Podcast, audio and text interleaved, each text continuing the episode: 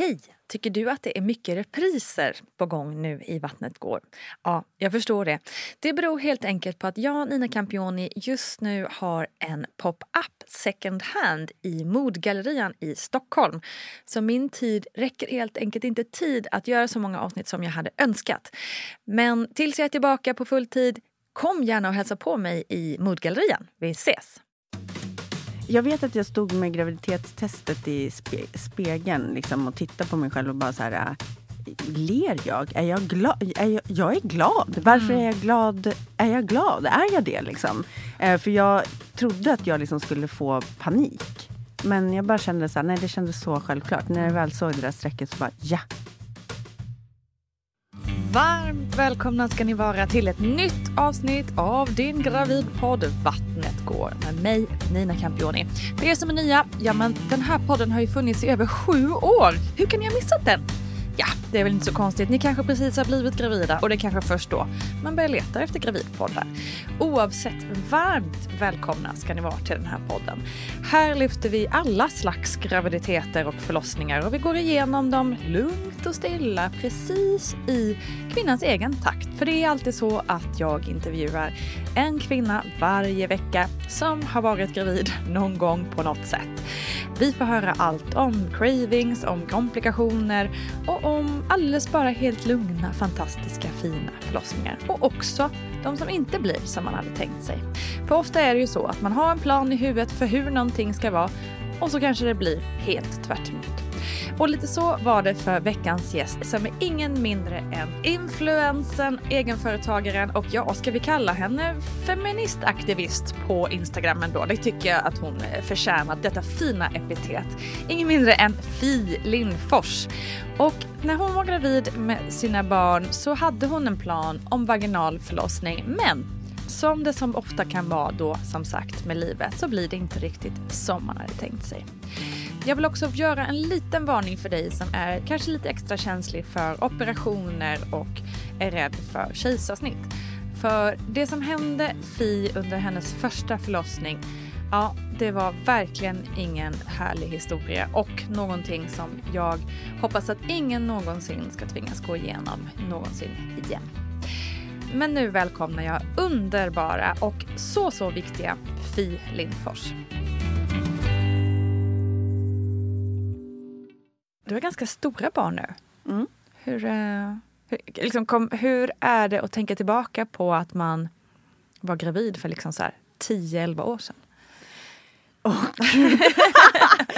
Oj, äh, ångest blir första året nu. Vad gud, vart har tiden tagit vägen? Ja. Äh, Ja, det känns ju som väldigt, väldigt, väldigt länge sedan. Mm. Och, och, samtidigt så eh, var det en bekant som sa så här, åh, det är första, jag kände liksom första sparkarna och då får man ju direkt någon så flashback mm. och hur det var och så här. Så att det är, lite, det är ju fortfarande färskt fast det är ja. så länge sedan på något sätt. Men det är ju intressant, man undrar också om det alltid kommer ändå kännas lite så i muskelminnet, mm. det där. Lite, mm.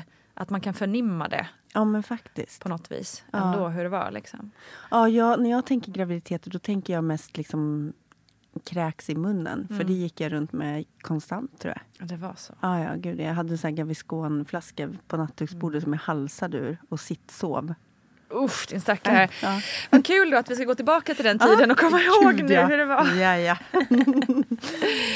hur hade du liksom, vad gick, hur gick dina tankar innan du blev gravid, hur såg du att du skulle liksom, hade du någon plan? Jag ska ha tre barn eller jag ska, du vet så här. Alltså jag, eh, jag tror att hela min familj blev väldigt överraskad när jag sa att jag skulle eh, Liksom, att jag var gravid och skulle mm. ha barn. För att jag har liksom inte varit en av de här som har velat ha barn. Mm. faktiskt. Jag har varit så här, upp till att jag var 30 så tror jag tänkte så här, ja, eh, nej, absolut inte. Liksom. Jag, jag ser inte mig själv eh, någonsin vilja mm. ha barn.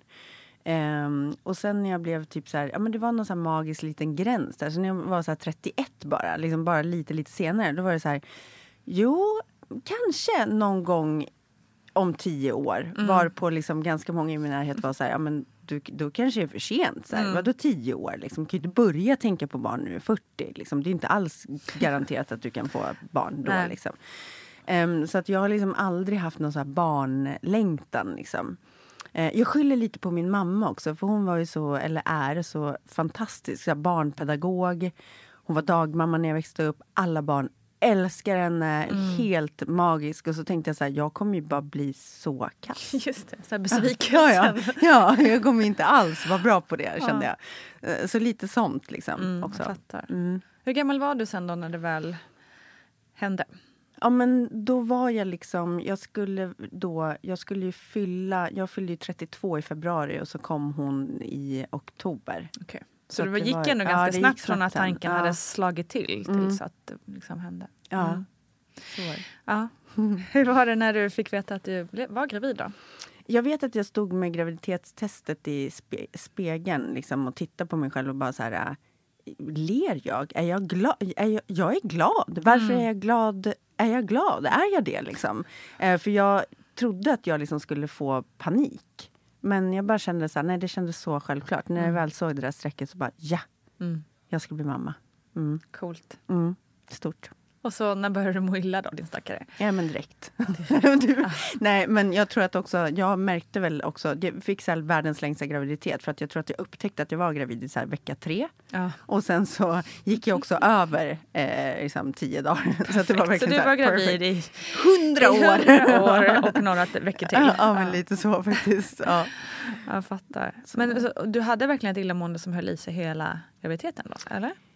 Alltså, ja, eh, mer eller mindre. Grejen var så här då att eh, först mådde jag ju bara väldigt dåligt och var, vi hade redan en resa planerad också till Rom. Jag kommer ihåg att jag bara, allt luktade, luktade typ tryffel och jag ville bara dö. Så det, var, det var verkligen så här hemskt. Och jag fick foglossning ganska snabbt också. Det var mycket så här gravidkrämpor och jag vet att jag var så jävla bitter för jag var så här Okej, eh, först det här illamåendet, ja men det kanske man hade hört lite om. Men sen var det så här, så började jag läsa på. och Då var det så här, allt ifrån så här slempropp, vad fan är det? Aldrig hört talas om. Eh, jaha, kunde det här hända? Kunde man tappa hår? Kunde man, alltså, det var så mycket saker så att jag var så här, varför har ingen... Det är som en så här hemlig klubb, så här, ja, det här pratar vi inte riktigt om för då kommer ingen vilja bli gravid. liksom, det var lite, lite den känslan. Så jag var så här bitter, bara, gud varför har ingen sagt någonting? Så bara, ja, det där är helt normalt. Ja, det där hände mig också. Men hallå, varför har liksom ingen upplyst mig? Jag känner mig så lurad. Mm. Ja, det var liksom, det var liksom generella känslan. Och sen så vet jag att jag, eh, vi gjorde ett så här eh, vi gjorde ett kubbtest och så det vecka 12 eller, och allt såg liksom jättefint ut. Hon gjorde till och med tummen upp på ultraljudsbilden. Väldigt tjusigt. Ja. Eh, men sen, sen så um, när vi gick eh, då vecka 19 och skulle göra vårt, eh, det här ultraljudet när man också kan se om det är en tjej eller kille eller sådär. Mm. Ehm, då hittade man inte urinblåsan. Och så var det så här, ja men ehm, gå iväg och ta en kopp kaffe, eh, kom tillbaka, ta en fika liksom, och kanske precis har kissat. Där. Ehm, och så kommer tillbaka och så ropar de in någon till i rummet och någon till i rummet och man börjar fatta att så här, det är något som inte stämmer. Liksom. Ehm, och fick en remiss upp på fosterdiagnostik på Karolinska. Eh, och var ju såklart superorolig. Mm. Och eh, min barnmorska sa så här, så här får jag egentligen inte säga. Men du är i vecka 19. Om jag vore som du så skulle inte jag vänta på den här remissen utan åka upp och kräva att liksom, Okej. bli sedd på en Direkt. gång. Liksom. Mm. Vilket jag gjorde. Eh, och första dagen så kunde de liksom inte eh, ta mig alls. Och sen så liksom gick jag upp dagen efter också. Och det var Mm. samma sköterska och då var hon så här, men jag har ingen läkare men jag kanske kan kolla. Ehm, Mm. och sen så sa hon, då så kollade hon och så sa hon att ah, jag, jag kan ju inte, jag får inte liksom säga någonting. Så det blev ju bara värre utav det här liksom. Eh, men sen så eh, fick vi i alla fall då att eh, hon hade någonting som heter blåsextrofi. Vilket betyder att man eh, den här läkaren såg ju det liksom sen på två sekunder. Så här, ja, anledningen till att de inte hittar urinblåsan i kroppen det är för att den ligger utanpå kroppen. Här är den. Och bäckenet är inte ihopväxt. Det är också väldigt olika, liksom, både behandling och eh, prognos om det är en tjej eller kille.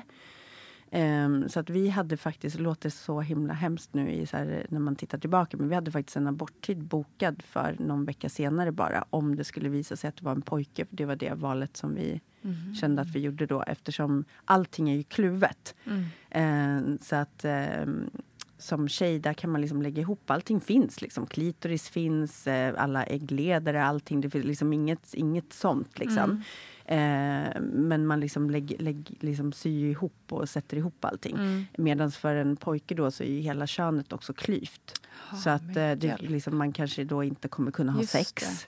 Eh, och vi kände liksom bara så här, när man ändå vet om det innan så var det liksom, då gick våra tankar så. Sen mm. när man nu är mamma då det hade varit mm. svårt kanske med andra barnet men mm. det var i alla fall så vi resonerade. Men wow, vilken mm. alltså, så här, otrolig alltså slum, eller vad ska mm. man säga, så ödesmättad mm. väntan då? Eller liksom hur? Ja, det, var, det är ju bara ungefär eh, tre stycken, eh, ja, tre till fyra stycken som föds med det här då varje år i Sverige. Så det är ju verkligen en sällan diagnos. Mm. Um, och jag ska säga också att anledningen till att vi var tvungna att vänta och se om det var tjej eller kille, det är för att det går inte att se då, utan alla ser ju då ut som tjejer eftersom ja, det är så här kluvet och så. Så att man var ju tvungen att göra um, när de kommer med en så här jättenål och ja, sticker in i magen. Precis, eh, diagnostik. Okay. Ja. Eh, så då fick vi vänta på den. Mm. Och den veckan då kom liksom mina mammakläder som jag hade beställt. Mm. Och eh, det var Kristi himmelfärd och ingen hade tid. Och, ja, men det var bara så här hemskt. Liksom. Mm. Men så fick vi reda på att det var en tjej och då, var det så här, då bestämde vi oss att vi skulle... Liksom, men allting stannade av då. Det blev så oviktigt. För så här, vi visste inte vad hon skulle heta. Vi, hade liksom, vi köpte ingen vagn. Mm. Vi förberedde ingenting överhuvudtaget. Det var som att det bara, så här, det blev bara liksom någon så här ångestgraviditet. Så mm. det blev ju liksom inte... Det var jättehärligt att känna sparkar och såna saker men det var som att man inte ja, man, man, vi visste ju liksom att när hon kommer ut så kommer det liksom gå en liten tid bara och sen kommer hon vara tvungen att opereras. Mm. Uh, så att, ja. ja, det måste ju varit otroligt svårt. För jag menar, det, alltså, som förstagångsföderska är det ju oftast väldigt abstrakt oavsett mm, vad det mm. är som händer. Liksom. Och, ja. Det är svårt att fatta att det faktiskt kommer ja. ett barn. Och sen veta då att det liksom dessutom är något som inte riktigt stämmer. Ja. Och liksom, det mm. måste ju varit så tufft.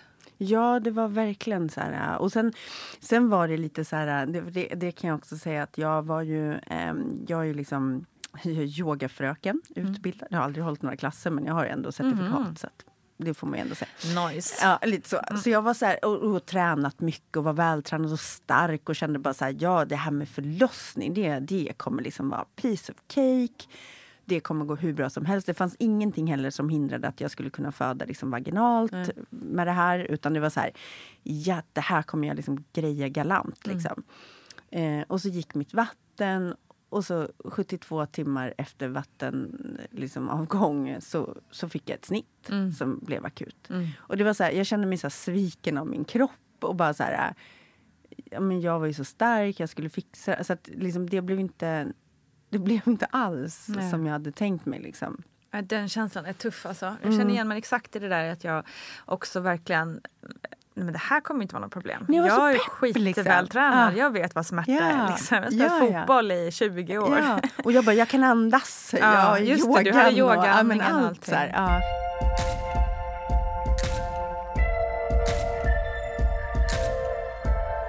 Jag fråga innan vi går in på förlossningen, mm. apropå den här eh, liksom, eh, problematiken med, med urinblåsa och allting. Mm. Det var, eh, jag förstår att problematiken kanske eh, med operation och så skedde ju efter hon är född. Men var mm. det också risker i magen så att säga? Så att du Nej, behövde tänka på något särskilt inte. Annat. Nej, och det, var, det är verkligen så att de allra flesta barn som föds med blåsextrofi, då föds de bara. Det är ingenting man upptäcker för det är så himla svårt att se. Och det är mm. så här, mm då, då, får man också ta i beaktande att alla då som såg mig på hos min barnmorska, de hade aldrig Nej, sett det här förut. Eh, liksom, det, det, är verkligen så här, det var ju först på fosterdiagnostik som var så här, ah, det är det här liksom. Mm. Utan det, det är så här, det, det, kan vara att man bara där, nu var ju hon väldigt noga, men det kan vara så här, oh, jag såg ingen blåsa men hon har säkert precis kissat mm, så det är ingen exakt, fara. Liksom. Medan här följde man ju upp och liksom kollade och så. Mm. Um, så att nej, det var inget specifikt. Uh, också så är det så att uh, barn i liksom andra delar av världen där det inte finns liksom sjukvård på samma sätt, de kan ju leva med det här. Mm. Och, och, och, hon hade också kunnat leva med det här. Det är väldigt opraktiskt att ha sin urinblåsa på magen, men det är liksom ingenting, det är inget livshotande utan det är ju mer liksom att så här, ja, mm. det, det, är inte så inte kul, kul, att leva så. Liksom. Mm. mm. Okay. Men du, om vi går till förlossningen då. Um, ditt vatten gick och sen vad var det som gjorde att det blev ett akut snitt till slut? Alltså vattnet gick och sen så har jag, jag har en syster som jobbar på neonatal. Eh, inte just där då, men i en annan stad. Så vi, vi hade ju också kontakt och lite så här. Och jag märkte ju på henne, för hon var så här, hur ser liksom vattnet ut? Och, så här, och då var det ju lite så här bäck då i vattnet. Mm. Eh, vilket då var så här, oj, det här kanske vi då måste man liksom skynda på. Men det var liksom ingen som, det var ingen som lyssnade. Jag upplevde inte att någon läste mitt förlossningsbrev. Jag var så här, jag, visste, jag hade skrivit så här att vi vet ju att det redan kom, att det kommer vara tufft med henne i början. Det kommer att bli operationer och så. Här, så jag vill liksom ha kvar hela min styrka. Så här, märker man att det blir en långdragen förlossning mm. utav någon anledning. Då vill jag att man liksom tar det beslutet och bryter ganska omgående. För att jag vill liksom kunna ha mina krafter kvar. Det kommer vara jobbigt nog som det är. Mm. Och det blev liksom totalt tvärtom. Det var ju så här, du vet, det var ju någon läkare som kom in och bara, du vet, hade den här äh, lilla vän, eh, kvinnor har fått barn, fött barn i alla tider. Man kan inte bara få ett snitt bara för att man tycker att det är lite jobbigt. Mm. Du vet, så här 24 timmar senare. Ja, men du vet, det var liksom verkligen liksom sånt bemötande mycket också. Och sen till slut så var det ju en läkare som kom in och bara, vad, vad håller ni på med? Hon är uppe en 10 centimeter och ingenting händer. Hon har varit det i liksom tre timmar. Mm. Eh, nu bryter vi, nu får det bli ett snitt liksom. Eh, och eh, det som var det hemska då, för nu har jag verkligen så här, nu kommer säkert eh, känsliga lyssnare kan ju kanske inte lyssna nu då. Mm. Eh, men eh, då hade jag ju haft en epidural som hade suttit länge liksom. och när jag kom in på till operation så använde de liksom samma då för mm. att göra den här jag vet inte vad det heter ens, men liksom bedövningen. Bedövningen, då. ja precis. Vad mm. heter den nu då? Eh, Block någonting. Ja men exakt, ja. den andra. Eh, bäckenbottensbedövning heter ja, men, den, va? Eller? Jag vet inte de men de, de, de liksom, ja, att man blir sådär helt liksom bedövad från typ precis. typ magen och ner. Um, och då säger jag så här... P, jag P, förlåt, PDB bedövning. Okej, okay, ja, ja. jag kan ju låtsas jag. att jag visste att det var det, det visste jag inte. Men ja, i alla fall, bedövning. Eh, så. Ja. Um, och uh, jag kände ju att den här, det, jag är ju inte bedövad. Vilket jag då försöker påtala och ingen lyssnar. Och det var så här, ja, vi vet att eh, det känns ju ungefär som hos tandläkaren. Du kommer känna att vi rör i dig men det gör ju inte ont. Jag bara, jo, Alltså jag är inte bedövad. Hur kan det de inte lyssna ont. på dig? Ja. Jag förstår inte hur fan de inte kan ja, lyssna. Nej, och det var verkligen hemskt. Så det började gå upp för mig, för, för då började de bli stressade också. För nu börjar det bli lite bråttom att få ut henne. Så jag, liksom, det börjar gå upp för mig så att det är ingen, ingen kommer... De skiter i vad jag säger liksom. Mm. Så jag får ju lite så här, du vet, jag börjar gå in i lite så panik. Och då säger den här läkaren så här, men du, du behöver inte oroa dig. Det här ärret, det kommer inte synas. Det kommer sitta nedanför troskanten. Och jag fick liksom lite så här still, du vet hjärnan så här, du vet. Bara, men det, tror att jag bryr mig om ett R? Jag känner ju vad ni gör. Jag är inte bedövad. Mm. Så till slut så hör jag bara hur någon säger, men det här går inte. Vi måste få ut, vi måste få ut äh, det här barnet. Ni får hålla i henne. Så att jag ligger liksom lite så med armarna ut åt sidorna och det är varsin sköterska som står och håller i varsin arm. Och sen skär de upp mig mm. utan fullgod bedövning. Eh, så jag går in i chock. Jag hör hur mina tänder skallrar. Eh, och eh, barnets pappa då har sagt att så här, ögonen rullar ju liksom bakåt. Och så här, han blev ju livrädd och han mm. försökte liksom hålla mitt ansikte och vara så här, titta på mig, andas. Du vet så här. Jag försökte liksom på något sätt så här. Och så får de ut henne då. Um, och lite så irrationell som man kan vara. För de bara, åh kolla nu ska du få se din bebis. Jag var så här, nej jag vill inte att hon ska se mig så här. Mm. Du vet, för det bara skallrar liksom mm. i, i, tänderna och så här. Men så fick jag ändå, och det här kommer inte jag ihåg, men jag fick ändå, ändå på bröstet, det finns bildbevis, jag, kommer inte, jag minns inte liksom. Um, och sen när, sa de så här, nu kommer du få ligga på uppvak tills du kan röra benen. Och då lyfte jag ju på benen, mm. för jag var ju inte berövad. och då var det någon som så här, oj, kanske inte riktigt var bedövad här. Mm. Nej. Så att första, och sen fanns det liksom inte riktigt tid att ta tag i det för att då hade vi då, då hade hon kommit då. Mm. Och hon skulle ju opereras. Hon var 30 dagar när hon opererades då, så vi hann ju bara egentligen komma hem och vända. Mm. Um, så det liksom blev aldrig att jag tog tag Det var liksom någonting så här, Jag vet att det var en kurator där och skulle prata med mig och jag var så här, nej, nej gud, det där skåpet kan vi inte öppna nu. Mm. Ja, det har vi inte det tid finns med. inte liksom. möjlighet för att göra det nu. Nej, nej, vi, det kan vi inte göra. Så att jag liksom, och sen, tog jag, sen var det ju två och ett halvt år med, jag tror det var tio operationer. Jag tror att jag, jag bodde på sjukhuset sammanlagt sju månader första två och ett halvt åren. Så det var en riktig liksom sväng. Så helt, jag, jag kommer ihåg att jag såg på Facebook att det var, så lite, det var en lite bekanta som fick barn så samtidigt. som var så här, och det är så jobbigt, jag har gått och burit liksom på honom hela natten. Och jag var så här, jag får inte ens plocka upp mitt barn. Mm. Jag har inte fått hålla henne på tre veckor. Mm. Alltså det var en sån där... Alla har ju sitt såklart. Jo, det är skitjobbigt att gå runt med ja. ett barn på natten. Jag säger inte det. Mm. Men det blev liksom så himla... Det var ju liksom inte alls någonting normalt över liksom första tiden på något sätt. Utan det var ju liksom sjukhus. Och jag hade gett mig fasen på att jag skulle amma. Det var en sån grej om någonting, något ska vara bra, jag ska i alla fall amma. Mm. Det var en sån här grej. Så jag fick igång amningen ordentligt och fick upp ungen så över ett kilo på de här första fyra veckorna. Och sen liksom all grädde i brösten. Liksom. Ja, och sen så opererades hon och jag pumpade ju liksom och de var så här, du kan inte sitta och sova på en stol bredvid hennes säng. Mm. Du får gå och lägga dig liksom. Så bara, nej, nej men jag måste vara här liksom. Och jag, de hade lovat egentligen att hon skulle ligga i sån här ställning på en vanlig liksom, vuxensäng så att jag skulle kunna ligga bredvid och amma. Mm. Men utav någon anledning så hade så här, varenda barn i Stockholm brutit benen just den sommaren eller den hösten. Liksom. Mm. Eller sommar var det inte, det var höst. Det måste ha varit något så här höstlov, att mm. folk var och gjorde massa just grejer. Det. Så att det, hon låg i en spjälsäng som det inte gick att ta ner sidorna på. Så jag satt liksom med händerna över och in så för att kunna hålla i henne och mm. liksom så här, genom spjällarna lite. Så jag kunde inte amma henne men jag pumpade och gav flaska. Och sen vet jag att det var så jättegulliga sköterskor där som var så här du får inte liksom bli ledsen nu, men du vet hon har ju tagit flaska nu i tre veckor när du, när du får upp henne sen. Det är inte alls säkert att hon kommer ta bröstet och liksom, du får vara beredd på det och du vet. Eh, men jag var så jäkla liksom, nej.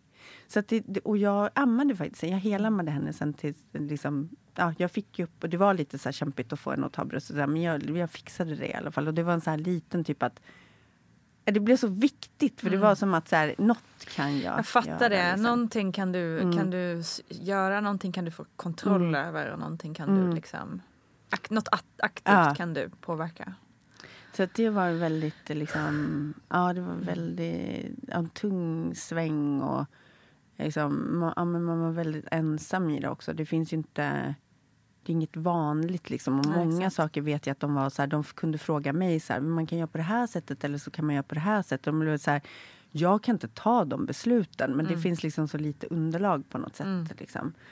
Um, så det, det, var, det var mycket liksom, ja, extremt. Jag vet vid ett tillfälle så var det så här, ni, kan inte ni och det var så på fullaste allvar, jag kan ju höra nu att det låter jättekonstigt, men jag var så här, kan inte ni bara söva mig? Mm. Jag, jag fixar inte det här. Ni måste bara söva mig, väck mig när det liksom är klart. Mm. Och de bara, jo du fixar det här, du är så stark. Nej men jag är, det är absolut, alltså jag tror inte ni fattar att jag är så här en sekund ifrån att få typ något så här, du vet, bara hamna i ett hål liksom. Mm. Alltså det var, det var så jävla jobbigt. Mm. Det var så himla jobbigt. Mm. Jag kan bara föreställa mig. Mm. Hur, alltså två viktiga saker då. Hur mår eh, din dotter idag och hur gick det med operationer och så vidare? Um, med operationerna, det var ju några såna här grejer du vet som var eh, oj, vi råkade göra det där. Eller de skulle sätta en sån här central infart så att hon skulle slippa bli stucken hela tiden. Skulle mm. de sätta den i halsen. Mm. Eh, och då råkar de sticka henne i så här, kroppspulsådern åt fel håll. Och så här. Ja, men det, det har varit så mycket såna där saker också eh, som har varit liksom gett extra liksom, som har adderat till någonting som redan var jäkligt jobbigt. Mm. Eh, men ehm, eh, över, överlag så gick det bra. Det hon har kvar idag det är att hon inte är helt kontinent. Um, men mår liksom hur bra som helst i övrigt. Och hon kör kickboxning och hon är liksom, mm. det finns inga begränsningar i henne. Liksom. Hon är verkligen eh, liksom, precis som barn är. Hon mm. är nio.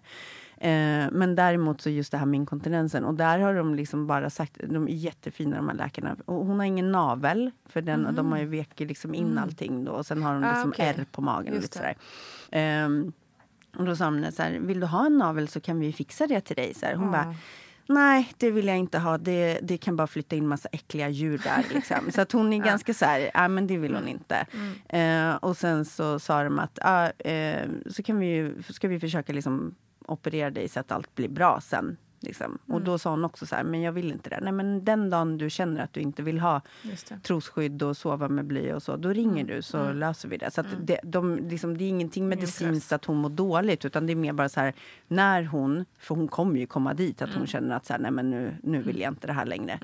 Eh, då kommer de ta det då, för det är jätteviktigt också att hon är med på noterna och att hon är mogen för det. Liksom. Så att nu väntar vi egentligen bara på att hon ska, att hon ska ledsna helt enkelt. I hennes tid. Mm.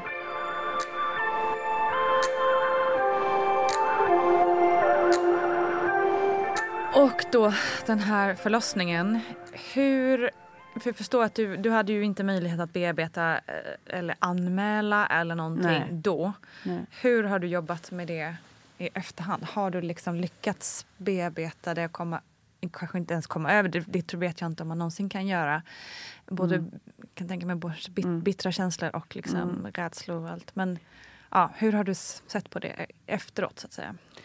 Alltså jag, eh, jag är överlag ganska bra på att stänga in saker. Eller så här bara, eh, ja, ja, det har ju hänt. Ska jag sitta och gräva i det? Liksom? Mm. Det känns ju dåligt. Men sen så eh, blev jag ju gravid igen då. Och då blev det lite ofrånkomligt mm. att det här liksom kom upp. Mm. För då vet jag att jag satt hos min barnmorska och så sa hon det här klassiska så här, har du tänkt någonting på hur du vill föda? Ja. varpå, varpå jag svarade, nej alltså jag kommer inte föda barn. Hon var så här, nej, hur menar du då? Nej men alltså jag, jag, jag tänker inte föda barn. Så att jag vet inte hur vi ska lösa det här men det kommer liksom inte hända. Jag vet inte. Mm. Jag, jag kommer inte göra det. Jag vägrar typ. Mm. Hon var så här, Helt rimligt också. Ja, verkligen. Alltså, verkligen, det är ju det. Ja, ja. Och, och jag vet att hon var tittat på mig så här. Okej, okay, men um, jag bokar in dig här till ett uh, samtal uh, på en Aurora, hos en, liksom, ett Aurora-samtal. Mm. Så börjar vi där. Mm. Och jag var så här, ja absolut, jag vet inte hur ett samtal ska kunna få mig att tycka att det är en bra idé att föda barn. Men absolut, let's go for it. Liksom, finns inte så mycket att välja på. Uh, och det som var skönt och det som hjälpte mig jättemycket för det här var alltså en sån sak att första typ två åren, mm. så fort jag blundade så låg jag på den här britsen. Mm. Alltså det går inte ens att beskriva. Alltså det var lång tid efteråt som det här var, var verkligen så här närvarande väldigt ofta, kanske nästan dagligen. Men, men när jag då hamnade hos henne så var det så jäkla skönt för jag fick liksom en upprättelse. För hon satt och grät med mina journaler när jag kom. Mm. Eh, och liksom inte så här, ja men nu har du i alla fall fått ett barn. Eller, det var inget sånt, utan hon var bara så här, det här är helt förjävligt. Mm. Jag mår så dåligt för din skull. Och det var liksom, på något sätt var det väldigt skönt. Mm. Så här, att få höra det från också vårdpersonal och liksom hela den här biten. Um, och då pratade vi lite grann och jag var ganska så här revanschsugen ändå. Jag ville föda vaginalt. Jag var liksom, ja men jag, jag, jag kände liksom att så här, ja men den här gången kommer det liksom gå. Så att, jag blev liksom ganska pepp på det. Jag läste, lite, jag läste ganska mycket böcker. Eh, ja, men lite sådär. Det som, var, det som var annorlunda med den graviditeten det var ju också att jag berättade ju knappt för någon att jag var gravid överhuvudtaget. Och andra gången, jag vet inte om det är så för alla, men liksom magen kom ju typ på en gång. Det var ju så här, oj, är det så här mycket snabbare. Eh, men jag lyckades dölja det på jobbet till vecka 23. Mm, det, vilket wow. är helt sjukt. Ja. Och det var verkligen så sitcom-varning på det. Det var så här, lager på lager, massor med sjalar. Gå runt och bära på ja, en kudde, en nej, korg. Jag bar på en perm konstant. En perm gick jag runt och bar på. Liksom. Och, och satt bakom skrivbordet, gick in väldigt tidigt. Jag var inte med och käkade lunch. Alltså, jag, jag gjorde så mycket wow. så här, sjuka grejer för att dölja det här. Vad jag, var det som gjorde att du ville dölja det? Då? Nej, men jag kände liksom att jag inte det var en sån otrolig Det finns ju typ inga syskon som har fötts med det här. Liksom. Det är inte ärftligt, man vet inte varför det händer. Så det fanns egentligen så här, det var noll risk i princip att det skulle vara något fel. Men jag var liksom så rädd mm. för det så att jag bara kände att jag liksom så här, så jag liksom ignorerade i princip nästan att jag var gravid mm, fram fattar. till att jag liksom eh, då i vecka 20 så fick vi faktiskt gå direkt till fosterdiagnostik och fick samma läkare igen. Gud, vad bra. Eh, väldigt bra och han kollade igenom och han var så här Eh, ja, väldigt torr. så här. Och jag vet att eh, barnens pappa var så här. Eh, han bara, vill ni veta vad det är för kön? Så bara, ja. Han bara, jag bara, jag tror att det är en tjej. Och så säger han så här, jag tror att det är en kille. Han bara, nej det är en tjej. Så bara, så säger den här pappan så här. Ja men eh, du kanske har sett lite fel. Det kanske ändå... Och då ser man bara så här, blicken. Han bara här är ena blygläppen, här är andra blygläppen. Så här, totalt humorbefriad. Så här. Han var okej, okay, ja det är en tjej. Liksom. Och sen så var han så här, han bara, jag har kollat hjärta, jag kollat liksom, han bara, det finns absolut ingenting jag kan upptäcka. Det är ett fullt friskt barn. Och så. Alltså, det var väldigt, väldigt skönt att få det då när man mm, har haft det innan. Det. Även om risken då som sagt var, var liksom icke-existerande. Jo det är klart, men det är ju ändå sådär med statistik att liksom, mm. absolut, det, det, ja. riskerna är låga men det finns ja, ja, alltid 0,0,0. Precis, lite mm. så. Så det var väldigt skönt och då var det så här, jag vet också att jag, så som det kom fram på jobbet var så här att min chef då, han, så här, vi satt något möte och han var så här ser så annorlunda ut. Så här. Han bara, jag vet inte vad det är för någonting riktigt. Och då reste jag mig upp och visade min mage ja. och han bara, åh herregud, så här, vart har du haft den där? Så här. Och så bara, hur? han bara, du, du är gravid? Så bara, ja lite grann. Han bara, hur lite då? Så bara, vecka 23. Han bara, du var inte så lite liksom. Så, så här. Och då började jag liksom njuta ja. av graviditeten och verkligen känna så här att jag kunde liksom bara, så här, gud vi ska ju ha barn! Så, här, så bara, ja du är typ sist på bollen. Jag har fattat att så här, du har ändå gått över halva graviditeten och bara, jag ska bli, vi ska få ett till barn. Så mm. eh, och så var jag liksom som sagt då jättepepp och sen så kom ju då BF som, och det hände ingenting. Eh, och så när jag hade gått över en vecka då fick jag gå in och göra en koll då för att kolla att barnet mår bra och så här. Var på den här barnmorskan bara Ja, eh, det här barnet är enormt. det är väldigt stort det här barnet. Vi beräknar barnet till 4990 gram. Ah. Nu kan vi diffa liksom. Och jag vet att jag tänkt så här, ah, ja, men de, de, de, har säkert ett kilo fel för jag hade hört massa stories om det här. Mm. Och min första föddes på 3830. Så jag tänkte att det är väl liksom eh, något, något sånt liksom. Mm att så här, fyra kilo fine, men fem kilo nja. Fem kilo är lite. Ja. Ja. Och då sa hon, och det var ju det som blev så jobbigt då, för då var hon så här, vet du vad, med tanke på hur långdraget det var sist och barnet är väldigt stort. Jag eh, rekommenderar ett kejsarsnitt. Mm. För det här kommer inte liksom bli, det, det, jag, jag tror verkligen att det är vägen framåt. Och det skulle sen visa sig att hon förmodligen räddar livet både på mig och eh, min bebis. För mm. att eh, min livmoder var så trasig från första snittet. Okay. Så det hade aldrig klarat verkarbete. Den hade inte hållit. Den mm. hade spruckit. Shit. Så att det var bara tur. Det visste jag inte då. Nej. Får jag bara fråga innan mm. vi går in på det. Hur kändes mm. det då? För du var ju ändå peppad på en vaginal. Och du var också lite besviken från förra mm. gången att du liksom inte... Ja, liksom, ja, som man kan tänka då, att oh, min kropp klarar det inte. Eller liksom mm. de här hjärnspökena som tyvärr kan komma ibland. Mm. Hur såg du på det här då? Det som var väldigt skönt var att jag hade fått verkligen så här, jag var ju garanterad också att komma till eh, eh Danderyd. Mm. Eh, jag hade ju fått prata där med personal, jag hade varit uppe där. Alltså det var verkligen så, här, så som det Jag kan tycka att det ska vara så varje gång mm. man föder barn. Alltså det var verkligen bra. Liksom. Mm. Eh, kände verkligen så här trygghet, förtroende där. Um, den här Rora uh, mm. som jag pratade med, det här samtalet. Hon hade ju också um, liksom ja, men verkligen skrivit ett förlossningsbrev som liksom alla hade tagit del av på mm. AD. Alltså det var verkligen så, här, så, ja, men så som det ska vara egentligen. Mm. Så jag kände mig väldigt trygg med det. Och jag tänkte bara så här också att du vet, det blev verkligen det här, det här med att hon var så stor också. Att det kändes så här att ja, men nej, om det verkligen inte ens gick med... Liksom, mm. ja, nej, men det, det, kändes ändå ganska bra att det var så lugnt och att det var så planerat. Det skulle inte bli någon panik. Det skulle finnas jättelång tid och liksom verkligen kolla att man var mm. bedövad och hela den här biten. Så det kändes ändå okej. Okay. okay. Men så kom vi in då ja, 13 februari, 11 dagar efter BF.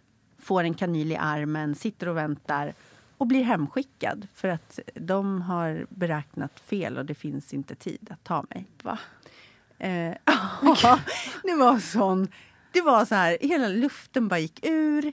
Fick åka och hämta storasyrran som trodde att vi skulle komma hem med en bebis. Ah, Nej, men herregud. Eh, blev helt liksom så här, äh, ja men det var helt hemskt och bara så här, ja, du får höra av dig om du kommer in i verkar. Vilket var då peppar peppar, sån otrolig tur att jag inte gjorde. Mm. Så dagen efter fick jag då en tid. Men vad sjukt, jag har aldrig hört det här innan. Nej, nej, det, galet. var, det, var, det var verkligen så här äh, driven i mig. Nej, det var, det var så hemskt. Och så kom jag in då på alla hjärtans dag. Mm. Eh, och fick gåvan som fortsätter att ge min lilla envisa femåring. Och eh, ru- rullades in liksom på operation. Och det mest dramatiska då som hände egentligen, som, som jag förstod, det var otroligt bra personal. Det var, så här, det var att de satte kanylen lite så fel, så de spräckte ett blodkärl. Det gjorde lite ont. liksom. That's it. Så här. Och sen var det jättelugnt, vi låg och pratade och skrattade. Och jag hade sagt innan att jag vill inte höra vad ni pratar om. Jag vill inte att ni liksom sax och klipp. Och liksom, jag vill inte höra någonting. Ni får bara viska, ni får liksom hålla er där bakom skynket och vara liksom, jag vill inte veta någonting. Men så satt det en klocka och jag vet att jag tittade på den när det hade gått 20 minuter och bara så här lång tid ska det liksom inte ta. Mm. Och så gick det 40 minuter och bara nej, en timme. Och sen kom hon ut. Eh, och då tänkte jag bara så här, "Ah, ja, jag, får liksom, jag slog bort det och var så här, "Ja, men vi får höra sen vad det var för någonting. För allt verkade ju liksom bra och så här. Eh, vi liksom som sagt pratar, skrattar, allting. Kommer upp, eh, får träffa henne. Jag mådde bara, kom, jag mådde bara väldigt, väldigt dåligt. Jag kände att jag var liksom extremt matt. Och väldigt så här, eh, det var något som inte var bra med mig. Men, men inget så som jag kunde riktigt sätta fingret på. Och, och sen så kom ju kirurgen in till mig lite senare när jag låg på avdelningen med henne. Eh, och frågade om jag tänkte att skaffa fler barn. Vilket var ju en väldigt konstig fråga att få när man ligger med en nyfödd. Mm. Så bara, eh, nej det, det hade vi väl kanske inte tänkt. Så här. Nej, för att eh, det kommer tyvärr inte gå. Utan din, din anledningen att det tog så otroligt lång tid, det var att jag var tvungen att kalla på en till kirurg. Och vi var tvungna att ömsom klippa, ömsom sy. Liksom, för du blödde så otroligt, för det var helt trasigt. Det, jag öppnade liksom livmodern med, med fingret. Det var så tunt liksom. Ehm, och sen så ehm, fick jag blod. Vi hade förlorat jättemycket blod, över två liter. Eh, så det var väl därför jag mådde så dåligt. Då, liksom. Ehm, och det låter så konstigt, för jag har nog liksom, för det första har jag aldrig tänkt på att jag skulle skaffa barn överhuvudtaget. Det var ju väldigt så abstrakt. Och om jag skulle skaffa barn så var det verkligen max två. Men när någon annan kommer och säger att man liksom inte kan få fler barn det var, det var en jättekonstig känsla, för då, det var en sorg. Och det tog ganska lång tid att komma över det. Det var verkligen en, och det låter så konstigt, för det var liksom... Jag tror inte ens att jag hade, jag tror inte att jag hade skaffat tre barn. Eller jag är nästan övertygad om att jag inte hade gjort det ändå, även om jag hade kunnat. Men det blev liksom så definitivt på något sätt. Och sen så drog det också upp en massa bitterhet att så här, eh, ja men inte nog med att det här ärret också satt upp absolut inte under troskanten nu då, om jag ändå ska vara så. Utan så här extremt snett och vint och brett. Och, liksom, och hon var så här, ja, eh, jag försökte snygga till det lite men det fanns inte så mycket att göra. Och, så här. och det, jag har liksom aldrig brytt mig om utseende, det var inte det. Utan det var bara hela grejen, att det bara var så här liksom, Hafsigt gjort, typ. Hafsigt, slafsigt. Det, är liksom, men det känns bara som att allt bara var så himla fel. Liksom. Var inte bedövad. Det var lite skitsamma. Här har du ändå ett barn. Oj, vi råkade också paja din livmoder. Men liksom, och det var ju som sagt var extremt... Det var bara tur att jag inte gick in i ett verkarbete. För att det är inte ens säkert att jag hade överlevt. Herregud.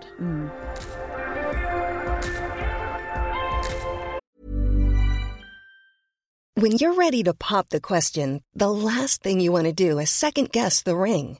At Bluenile.com, you can design a one of a kind ring with the ease and convenience of shopping online. Choose your diamond and setting. When you find the one, you'll get it delivered right to your door. Go to Bluenile.com and use promo code LISTEN to get $50 off your purchase of $500 or more. That's code LISTEN at Bluenile.com for $50 off your purchase.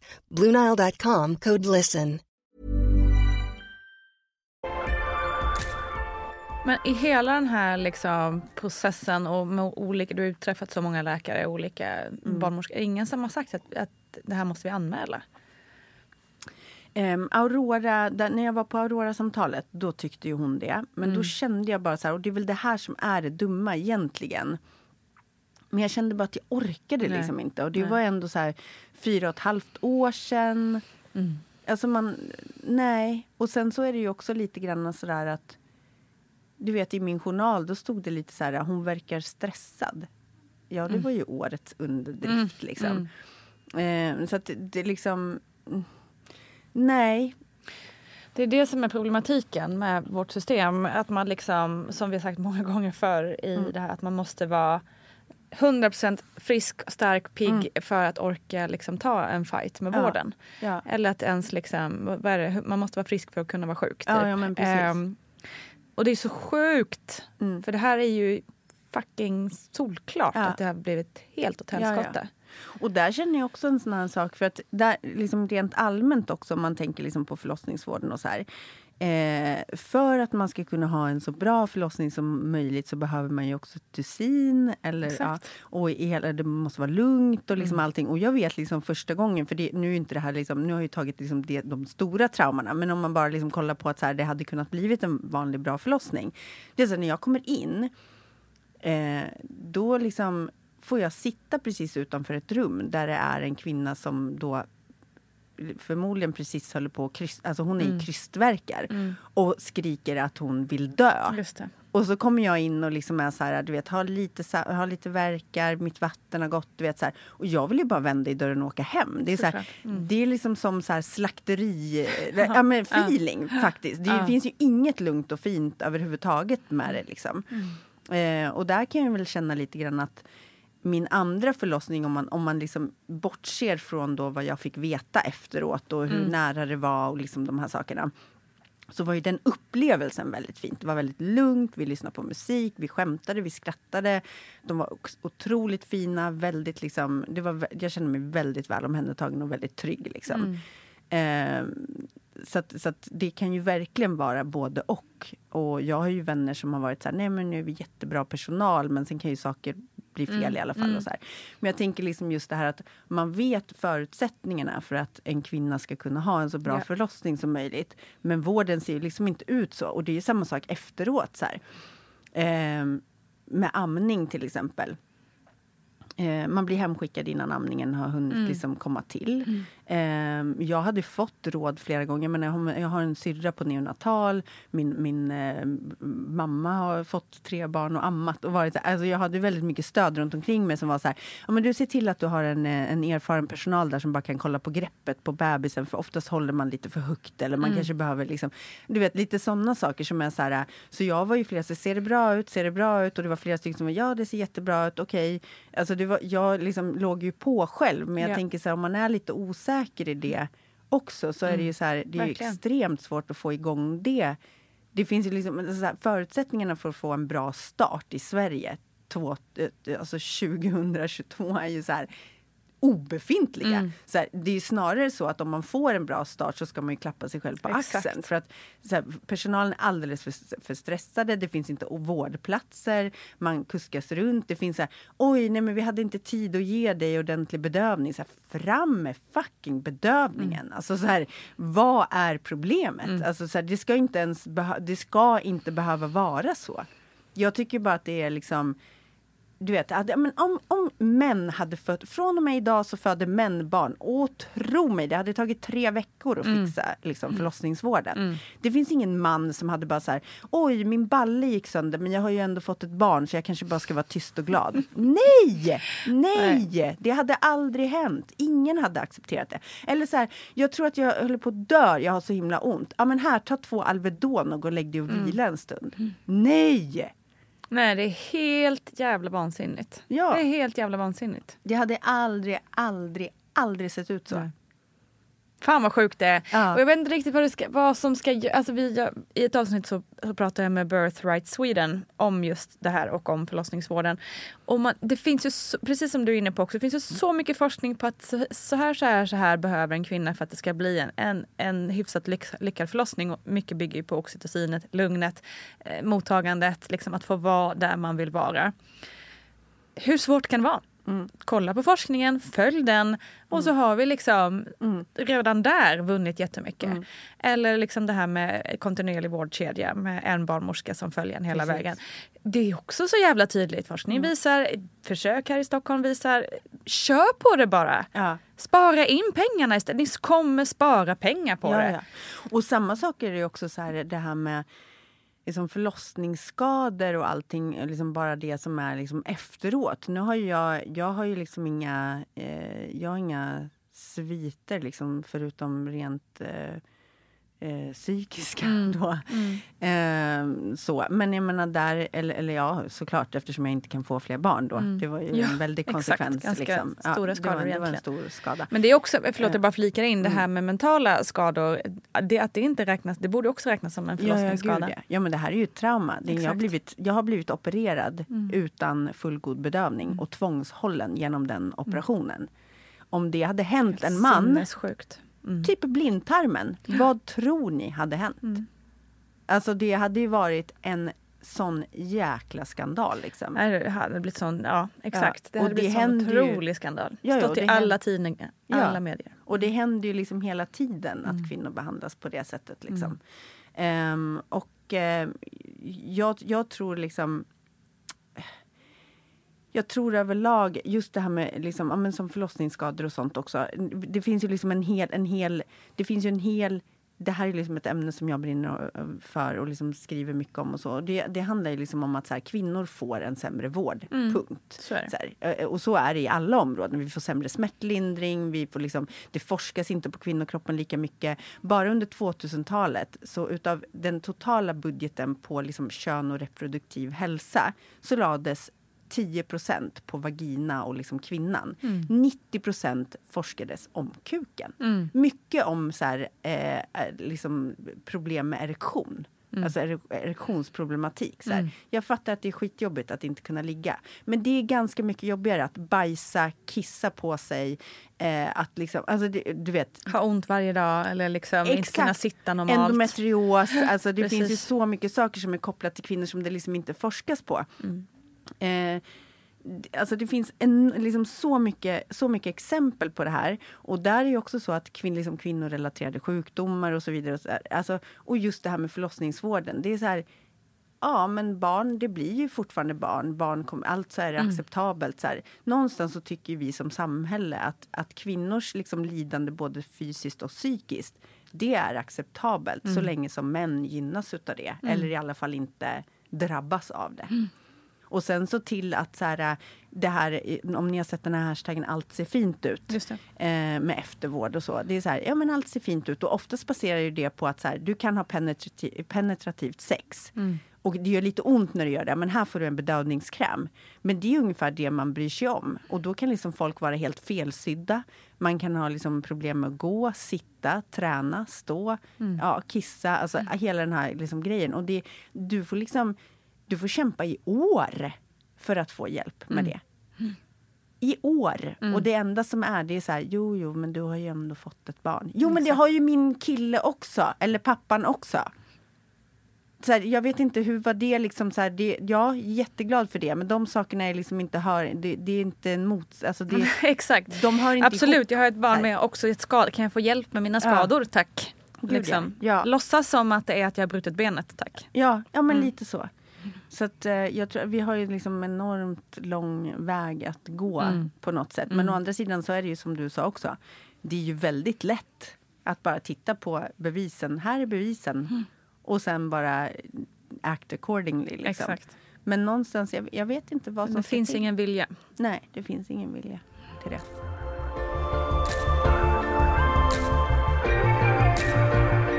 Ja, fy fan. Eh, tack för att du eh, säger som det är också. Eh, förutom att också berätta din historia. Det finns många anledningar att vara besviken på förlossningsvården eller kvinnohälsa och vård för kvinnor överlag. Eh, nu har det gått tio år sedan det, det första traumat. Eh, hur eh, tänker du på det idag? Och hur skulle du vilja vad skulle du vilja säga till någon som är gravid idag och som kanske är förlossningsrädd eller liknande. Eller som har gått igenom något annat. Jag bara, åh herregud. Eh, ja, för man vill ju egentligen, man vill ju såklart inte skrämma upp någon. Eh, alltså jag, jag vet inte, gud, för man tänker så här, jag, vet, jag kan känna den här naiviteten också, att jag kan känna mig liksom lurad på något sätt att så här, man skriver sitt förlossningsbrev och tror liksom att någon ska bry sig om det. det. Och min känsla är bara att det är ingen som gör det, för det Nej. är ingen som har tid. De skiter i det. Det är för att du ska må lite bättre och tro att du har koll på läget. Vilket du liksom, alltså, och nu blev det ännu mer. men, men jag tror liksom, man vill, jag tror bara att så här, tyvärr är det så att den som skriker högst får mest hjälp. Mm. Så är det. Så att liksom, känns någonting fel. Jag skulle vilja ge det här rådet också. Att inte låta dig övertalas till saker under liksom själva förlossningen. Utan så här, du ska gå på det du vill. Eh, det du vill och det du känner. För ibland är det liksom väldigt så här, ja det här är bäst för barnet. Liksom. För det kan vara en så här, och då backar man ju direkt. Liksom. Såklart. Eh, men att man kanske liksom verkligen så här, men stå på sig. Eh, och faktiskt också kanske ha med sig en dola. Mm. Eller någon som eh, liksom kan vara mera objektiv och är mer påläst. Som kanske liksom inte är eh, din partner. Som, som, om nu inte den partnern är väldigt, väldigt liksom, ja, van eller påläst. Eller så. Det kan hjälpa jättemycket att ha någon som är där för dig och har ditt perspektiv. Som vet vad du vill. Som du har förklarat för vad du vill. Som liksom också kan på något sätt kanske föra din talan om man blir trött eller man känner sig liksom inte lyssnad på eller vad det nu kan vara för någonting. Det, för det önskar jag att jag hade haft liksom med någon som hade kunnat liksom varit liksom mer på min sida. Mm. Eh, när skiften också kom och gick. För att det var ju det. liksom, det tog ju tre dagar. Ja, fasiken alltså. Ja, det var inte samma personal såklart. Nej. Mm. Bra. Men du, jag tänker också innan vi avslutar, du har ju också varit eh, öppen med att du är i förklimakteriet, precis som jag. Mm. Hur, eh, för det är ju också en sån grej som, apropå kvinnohälsa, liksom, är otroligt eftersatt. Mm. Eh, hur har din, liksom, hur, ja, hur har din resa varit där? Ja, men det är samma sak där. Jag har ju också lidit utav PMS typ hela livet och liksom egentligen trott långa perioder när jag var yngre att det var liksom någon, alltså det var något psykiskt Mm. fel på mig. Liksom. Att, jag inte kunde, att jag blev så fruktansvärt ledsen eller så fruktansvärt arg eller så. Och, eh, man liksom bara, ja, men man fick p-piller, det var liksom lösningen på världens alla problem känns det som. Eh, men eh, så jag kände bara så att när, det började svaja ordentligt och jag kände att jag inte hade något tålamod med barnen. Jag ammade väldigt länge, min, jag ammade i två och ett halvt år min sista. Eh, och då höll det väl sig i schack. så. Men sen när det liksom började komma igång med allting med mens och sådär så Eh, ja, men man kände att tålamodet och sådär. Mm. Jag upplevde att liksom PMS, gud är det liksom PMS på steroider? Jag som Just hade det. jobbigt innan och nu börjar det nästan kännas ännu värre. Hur gammal var du då? Eh, då var jag 40, Mm. så två år sedan ungefär. Då. Mm. Eh, och var väldigt så här, men det här går inte, jag måste söka vård. Och då kände jag bara så här, ska jag gå till vårdcentralen och sitta med någon gubbe nu och försöka få förklara för honom att jag, det inte går att kontrollera sig och att eh, jag skiter i att kvinnor har haft mens i alla tider för att jag vill ha hjälp. Eller ska jag söka privat? Vilket gjorde att jag sökte privat och fick jättebra bemötande, jättebra hjälp, kunnig personal framför allt. För att det är ju ingen skugga på enskilda liksom, personer som jobbar inom eh, eh, vård inom vården. För det finns ju eldsjälar och jättekunniga Absolut. människor och så. Det är ju bara det att själva liksom det är ju inte så att du får samma vård överallt. Nej, och i vårdcentrum, det ingår ju inte ens i deras utbildning Nej. att kunna någonting om, Nej, om nej, kvinnliga hormoner Nej. i stort sett. Nej, nej. Och jag menar, kommer du och söker liksom, och det är lite diffust och de tror att du är i klimakteriet, då, kan du, då får du ju helt motsatt hjälp mot vad du skulle få om du är i för klimakteriet, Mm, som ju då inte exakt. är samma sak. Så att, ehm, där upplevde jag att jag fick jättebra hjälp och jag har liksom fått eh, bioidentisk progesteron. Det var någonting som, som funkar för mig. Eh, jag märkte också på att helt plötsligt så hade jag så här det började gå ner mot 20 dagar mellan varje cykel. Och så när det var nere på 14 dagar när jag, jag gick och väntade på den här, så här hajen som man får av liksom, ägglossning och den aldrig kom utan det kom en mens istället. Då kände jag bara så här, nej men gud, kill me, nu, nu är det dags liksom. Ehm, så jag har blivit liksom jätte, jättehjälpt utav det och bara känner så här, det är ju också så här, ja, det är en kostnadsfråga. Det är klart det kostar pengar att gå privat. Eh, det är inte gratis. kan inte alla göra. Det kan inte alla göra och det är också för jävligt. Då Mm. ska det helt plötsligt bli liksom en, så här, om man har råd eller Mm. inte att bli hjälpt i Sverige år 2022 igen. Så här, och, och det är samma sak där att så här, mm, kvinnor ledsnar, man tar saken i egna händer, man går privat. Men det ska inte behöva vara så. Nej, det Du ska, ska ju verkligen inte kunna behöva vara så. Nej, du ska ju behöva kunna få vård överallt. Och där, där är ju också en sak med så här, man får barn och så går man på någon efterkontroll. Men, men den efterkontrollen går ju mest ut på så här, har du tänkt på vad du ska ha för preventivmedel? Exakt. Så här, det är det enda de Exakt. verkar bry sig om. Så här. Nu ska du börja ligga med din man. Ja, helst inte faktiskt. För att jag typ kan inte ens sitta. Ungefär så kan det ju vara. Eh, men Det är så jävla sjukt. Ja. Fan vad jag blir irriterad på det. Varför är det ens en... Liksom, vad, vad, vad? ja, jag, Varför ska jag få den frågan? Har Ja. den legat än? ja, Bara, nej, nej. jag är inte så sugen just nu. Ursäkta, har precis fått barn. Ja. ja, det är viktigt att man kommer igång för, Ja. för förhållandet. Nej men alltså jag orkar inte, jag vill så någon när jag hör. Men eh, jag tänker just att så här, då, där hade ju varit ett golden opportunity. För oftast också så föder vi ju ganska sent. Liksom, barn. Eller det kan, behöver inte alltid vara så, men liksom generellt då. Eh, där kan det ju också kanske komma en sån här Eh, du vet, snart kanske det börjar bli dags för... För jag menar, man kan ju vara 35 när man börjar komma Ja. in i förklimakteriet. Och då, då kanske man skulle få lite information där och då. Precis. Ja, nu är du lite Exakt. klar med barn här eller? Ja, nej jag har inte tänkt att skaffa Håll lite barn. koll Okej, på de ja. här symptomen. Exakt, det här kan vara det. Men jag menar, oftast är det ju så här, man blir diagnostiserad med utbrändhet, eh, k- depression. depression. Det är ju alla de här klassiska grejerna istället för att säga, hmm, kvinna 35 plus kan vara förklimakteriet. Nej, nej, det är ingen som tänker på det i vården. Liksom. Fast det är det mest självkra Exakt. egentligen. Liksom. Det är kanske är det man borde kolla först. Precis. Och det är så enkelt att kolla också. Ja, ja. Äh fy fan. Nu eldar vi på vår det. När blir du statsminister undrar jag Fi. Eh, ja, alltså gud vad jag hade velat. Jag hade älskat att arbeta med politik. Mm.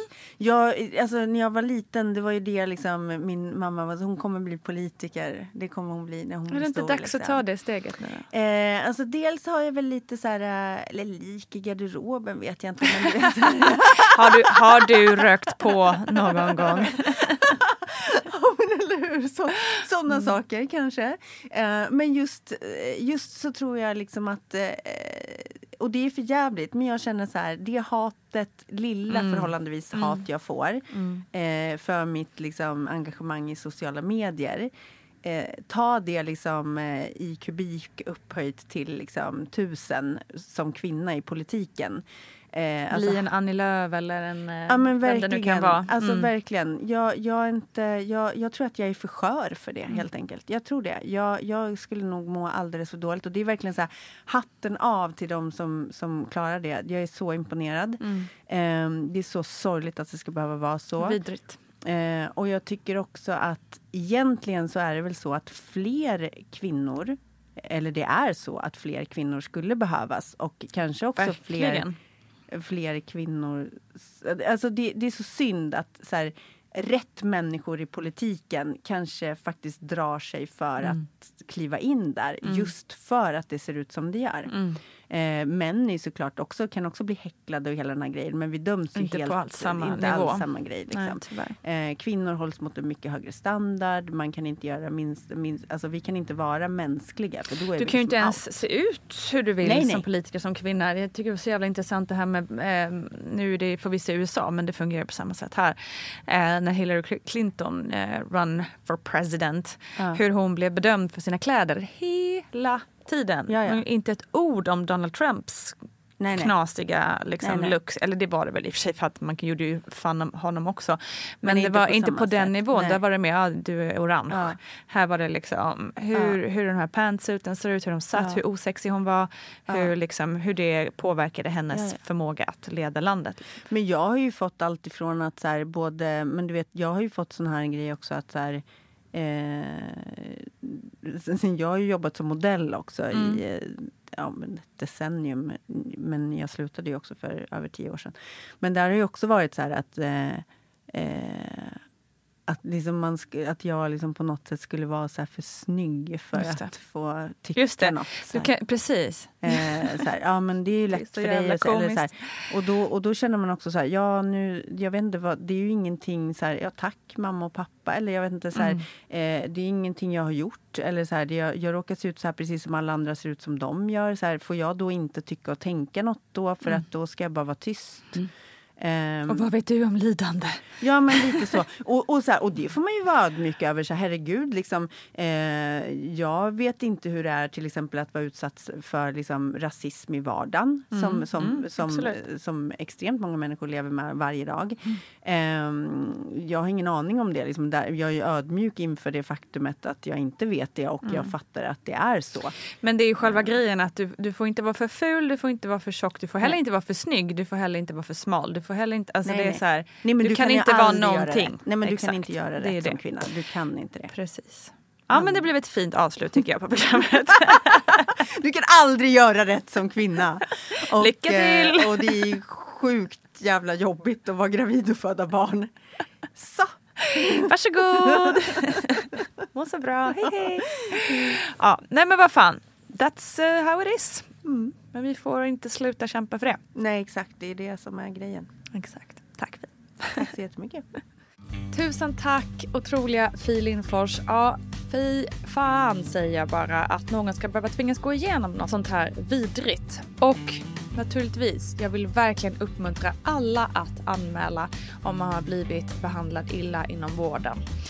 Mot slutet av avsnittet här så kommer också information från vår egna Gudrun Abascal om hur man går tillväga om man känner att någonting inte gått riktigt rätt till. Tusen tack till dig som har lyssnat idag. Jag hoppas att du återkommer vecka efter vecka till Gravidpodden Vattnet går som också finns som mammagrupp på Facebook såklart och naturligtvis också på Instagram. Kram på er, ha det bäst. Hej då!